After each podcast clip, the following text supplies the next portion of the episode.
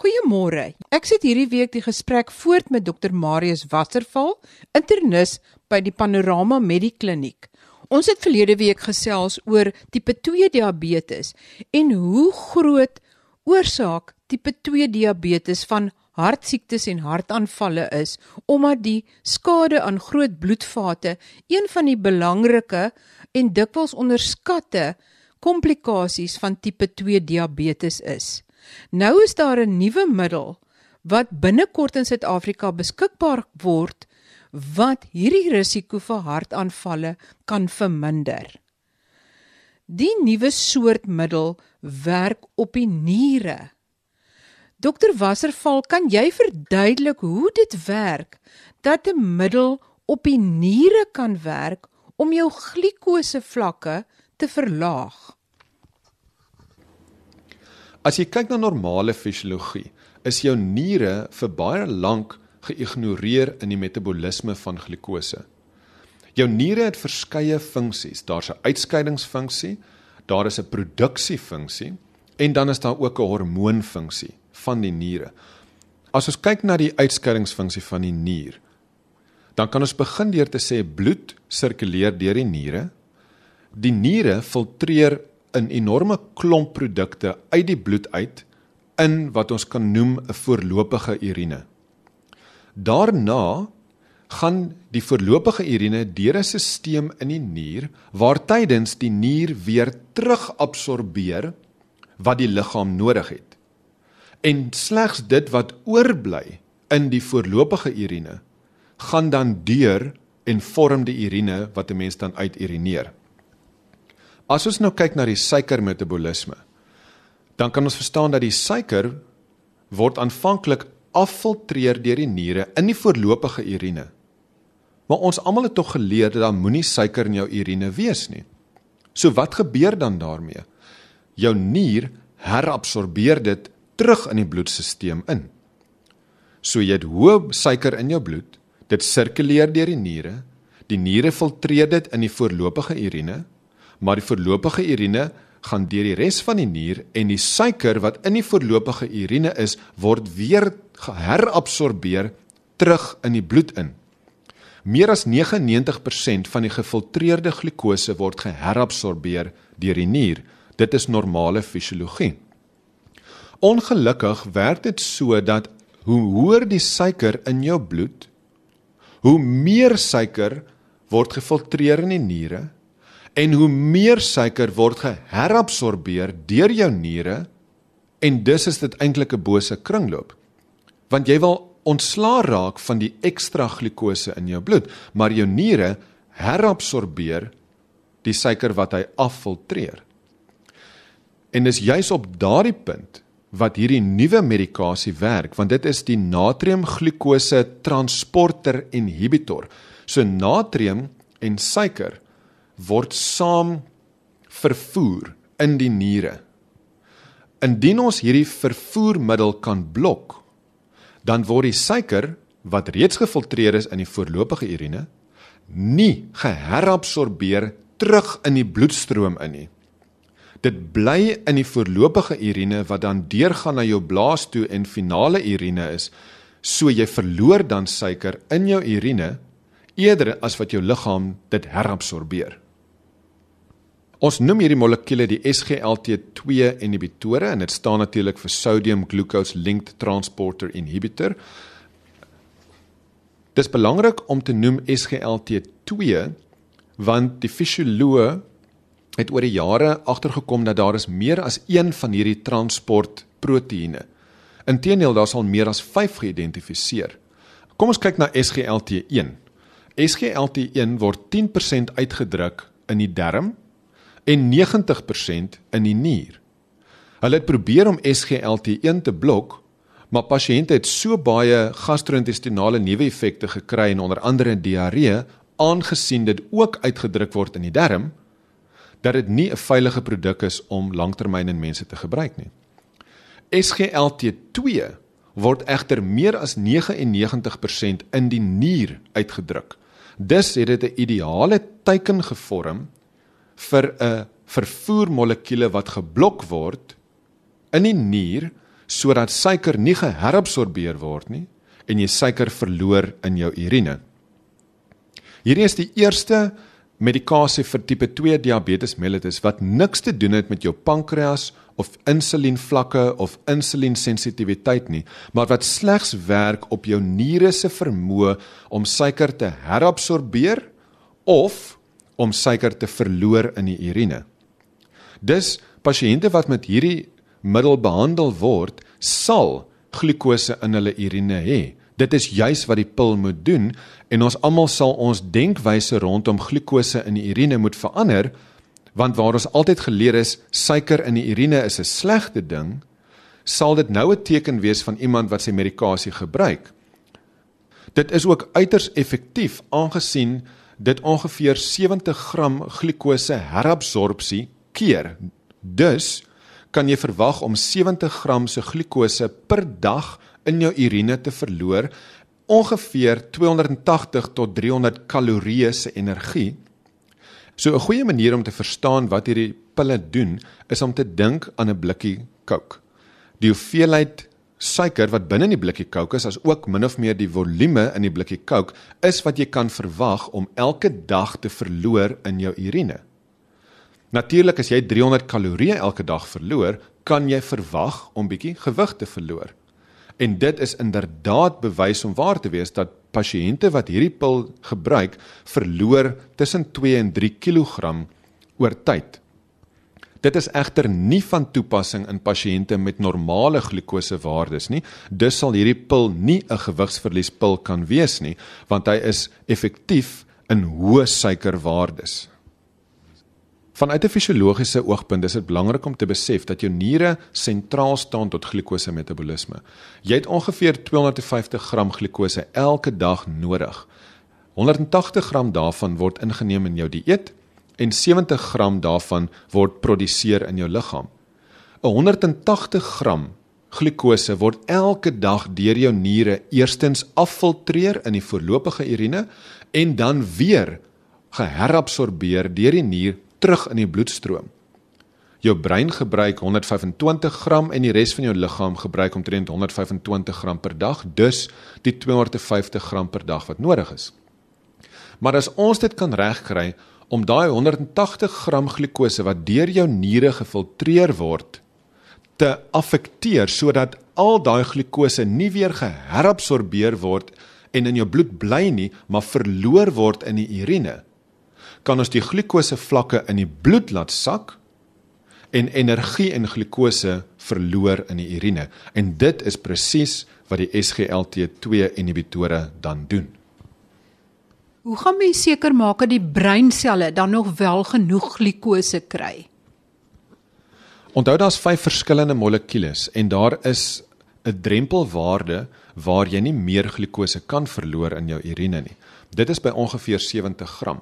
So al blok jy die SGLT2 reseptor, sal jy verhoogde uitdrukking kry van die SGLT1 en die ander.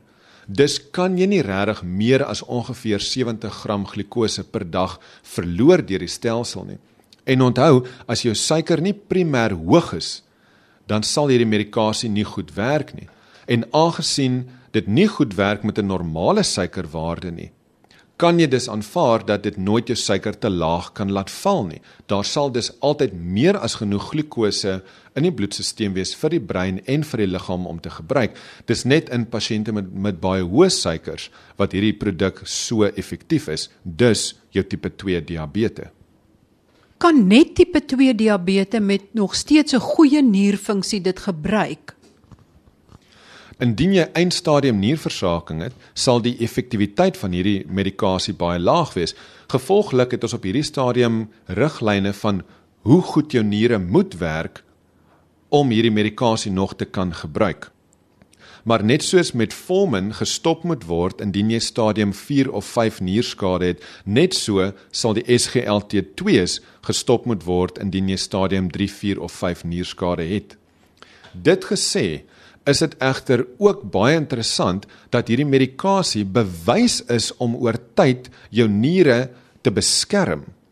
Jy het verlaagde progressie na nierskade en inteendeel studies op die een molekuul het bewys dat minder pasiënte progressie van hulle niersiekte gehad het en minder pasiënte selfs op dialyse geëindig het. Die potensiële finansiële en ekonomiese impak van minder pasiënte op dialyse is natuurlik enorm. Gevolglik dink ons dat hierdie medikasie regtig waar 'n hoeksteen gaan raak in die hantering van tipe 2 diabetes vir al pasiënte met makrovaskulêre aantasting en pasiënte met baie vroeë nierskade aangesien dit bewys is om jou niere te beskerm. Dokter Wasserval, wat is hierdie medikasie wat binnekort beskikbaar sal wees in algemene name en waar presies sal dit inpas in die behandelingsriglyne? Op hierdie stadium is daar 3 produkte in hierdie klas medisyne beskikbaar. Alfabeties is dit canagliflozin, dapagliflozin en empagliflozin. Canagliflozin se naam is Invokana en op hierdie stadium lyk dit nie of canagliflozin Suid-Afrika toe gaan kom nie. Dapagliflozin se handelsnaam is Forxiga, F O R X I G A Dit is reeds goedgekeur in Suid-Afrika in Oktober en sal in die apteke beskikbaar wees laat November 2017. Die derde een is Empagliflozin wat bekend sal staan as Jardiance en dit sal hopelik vroeg 2018 goedgekeur en dan beskikbaar wees in ons apteke. En waar in die behandelingsregime sal dit inpas? Op hierdie stadium weet ons alle tipe 2 diabetes moet begin behandel word met metformin saam met leefstylveranderinge reg van die begin af. Aangesien hierdie klas medikasie niks te doen het met jou pankreas of met jou insulienvlakke of met jou insulienweerstandigheid nie, kan dit letterlik by enige medikasie bygevoeg word. Inteendeel, in Duitsland gebruik hulle dit 60% van die tyd saam met insulien en verlaag hulle die hoeveelheid insulien wat nodig is. Sal hierdie middel ooit op sy eie gebruik word of altyd saam met 'n middel?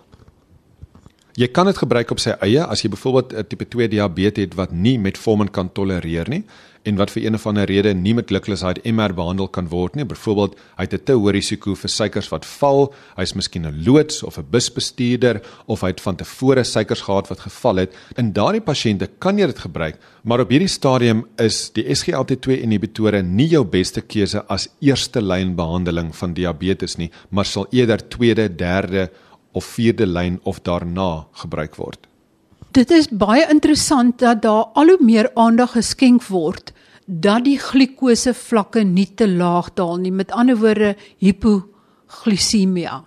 Maar wat is dan hierdie groot risiko vir as jou bloedsuiker te laag daal?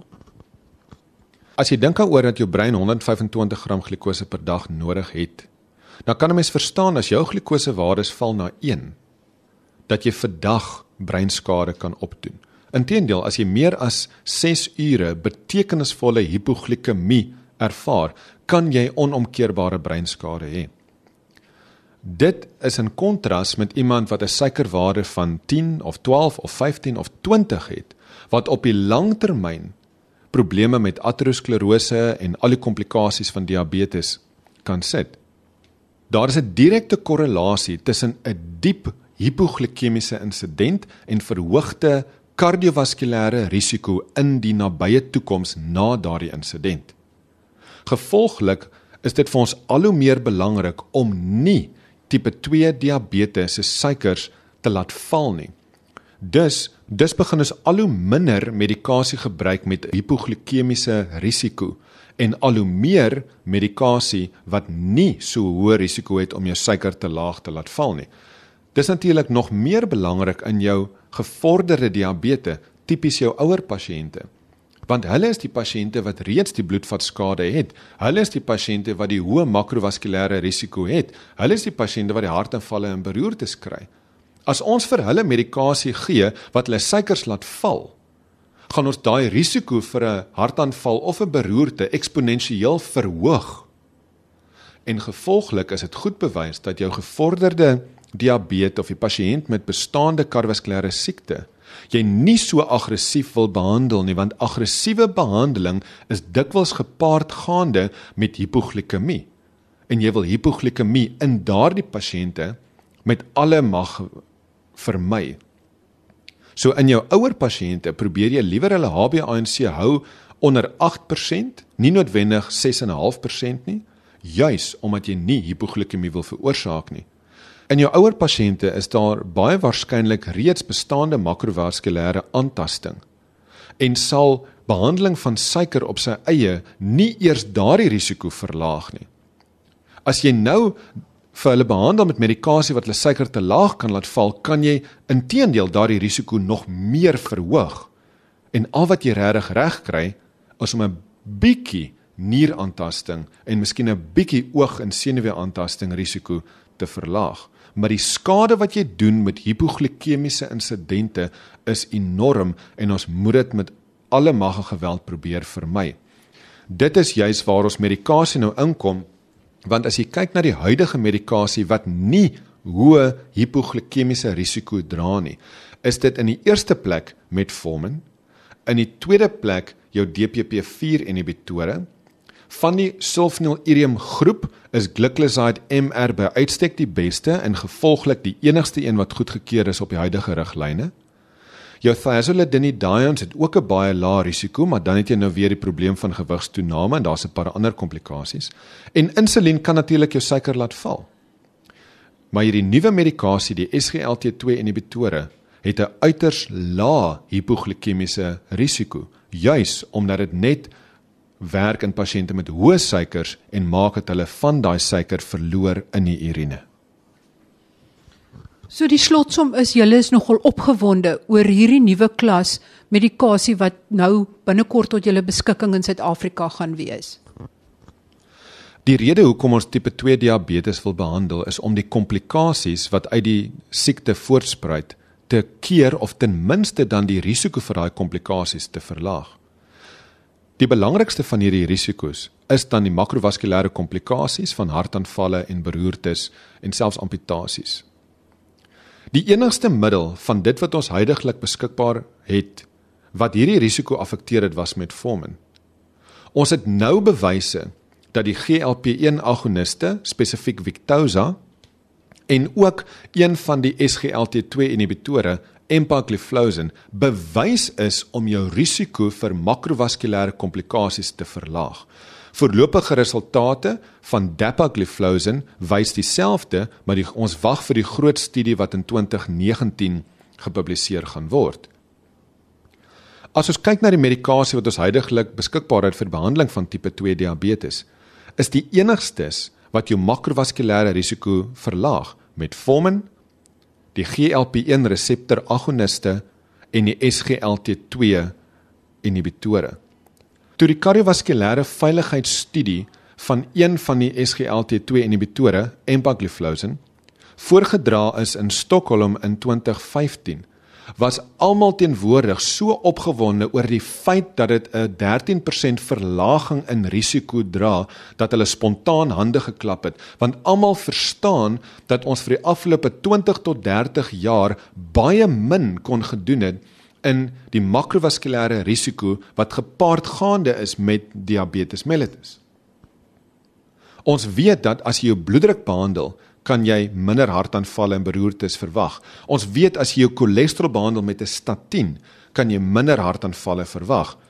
Maar in jou diabetes met gevestigde makrovaskulêre siekte het ons feitelik geen bewys van enige verlaging in risiko gehad tot en met die afgelope paar jaar wat ons gesien het in studies dat Victoza en die SGLT2s wel vir jou 'n 13 en 14% verlaging in risiko vir makrovaskulêre komplikasies gee nie. Gevolglik verwag ons dat hierdie nuwe medikasie baie vinnig 'n hoeksteen van behandeling sal word vir tipe 2 diabetes omdat dit die belangrikste komplikasie affekteer en die risiko verlaag. En as jy in ag neem dat obesiteit dryf diabetes, diabetes dryf hartaanvalle en beroertes, En hartaanval en beroertes is die nommer 1 en nommer 2 oorsake van sterftes in die wêreld. dan kan mens verstaan hoekom ons opgewonde is oor 'n 13 en 'n 14% verlaging in risiko vir makrovaskulêre komplikasies, want ons kan uiteindelik dit affekteer. Ons kan nie die risiko wegvat nie en daarom moet die klem steeds wees om in die eerste plek nie obese te raak nie, nie oorgewig te raak nie, om nie diabetes te raak nie, want ons kan in pasiënte met diabetes die risiko met 13 en 14% verlaag, maar ons kan dit nie terugvat na 0 toe nie. So dis belangrik om liewer daai leefstyl aanpassings toe te pas wanneer jy jonk en gesond is en te sorg dat jy in die eerste plek nie diabetes word nie. Indien jy egter 'n diabetes is, is daar nou 'n bietjie lig in die tonnel want nou kan ons jou risiko vir makrovaskulêre komplikasies ten minste betekenisvol beïnvloed met medikasie. So in opsomming is die SGLT2 inhibitore medikasie wat jou niere teiken sodat jy glikose verloor in jou urine. Daar is twee wat beskikbaar gaan wees in Suid-Afrika. Die een is Dapagliflozin of Forxiga. Dit sal in November beskikbaar wees. Die tweede een is Empagliflozin of Jardiance. Dit sal hopelik vroeg 2018 beskikbaar wees.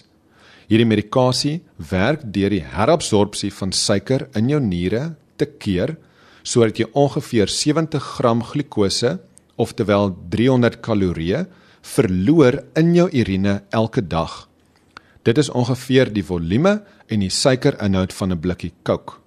Dit kan lei tot 2 tot 3 kg se gewigsverlies, maar jy moet onthou dat organismes hou ook van suiker in urine en jy het wel 'n risiko vir een ekstra swaminfeksie of 'n ekstra blaasinfeksie in die jaar wat jou dokter vir jou kan behandel.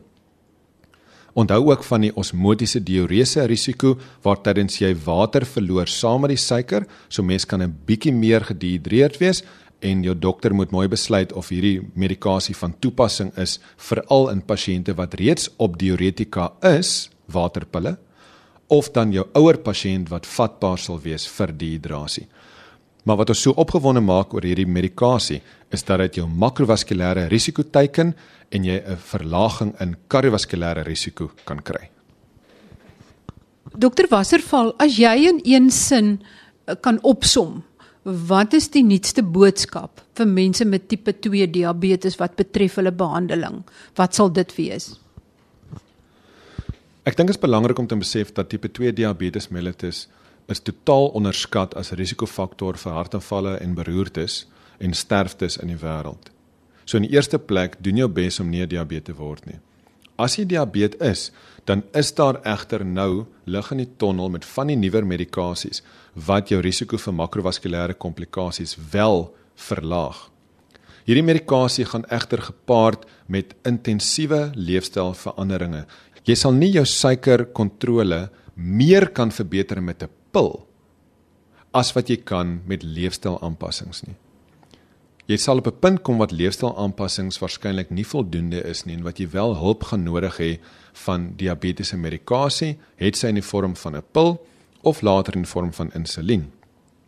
Ons is egter baie opgewonde oor die feit dat ons nou met medikasie soos die GLP-1 reseptor agoniste en die SGLT2 inhibitore wel jou risiko vir makrovaskulêre komplikasies kan verlaag. Onthou die behandeling van diabetes is maar een van die vier wiele op jou kar. As jy net na die een wiel gaan kyk en jy behandel net jou suiker en jy ignoreer die ander 3, sal jou kar nie ry nie. As jy net gaan kyk na 3 wiele, maak dit suiker, bloeddruk, cholesterol, rook en gewig. As jy net gaan kyk na 3 wiele en jy ignoreer die een wiel, dan sal jy ook nie jou risiko vreeslik affekteer nie. Dis ontsettend belangrik om te besef die behandeling van diabetes in 2017 en 18 is 'n multifaktoriële benadering. Jy moet jou suiker so goed as moontlik kontroleer tussen leefstyl en die medikasies wat beskikbaar is. daarmee saam is dit krities belangrik dat jy jou bloeddruk goed moet kontroleer, jou slegte cholesterol goed moet kontroleer, jou gewig moet afkry en belangriker as alles is waarskynlik dat jy nie moet rook nie. As jy 'n multifaktoriële benadering volg tot jou risikofaktor van diabetes of terwyl jou siektes van diabetes, bloeddruk en cholesterol wat baie keer saamgaan. As jy al drie teiken en al drie na die beste van jou vermoë beheer, dan sal jy wel 'n verlaging in risiko vir makrovaskulêre komplikasies hê. Maar dit is belangrik om alles saam te doen Die tyd het ons alweer ingehaal en ons moet groet, maar gaan kyk gerus op www.rsg.co.za na meer inligting en sketse oor hoe hierdie nuwe medikasie werk en gaan luister ook na verlede week se potgooi oor die gesprek oor die jongste inligting oor tipe 2 diabetes. Op die webwerf sal julle ook die doen dit net aksieplan vir week 15 vind En volgende week gesels ek met 'n oorneus en keel spesialis oor sinusprobleme. Tot volgende week. Totsiens.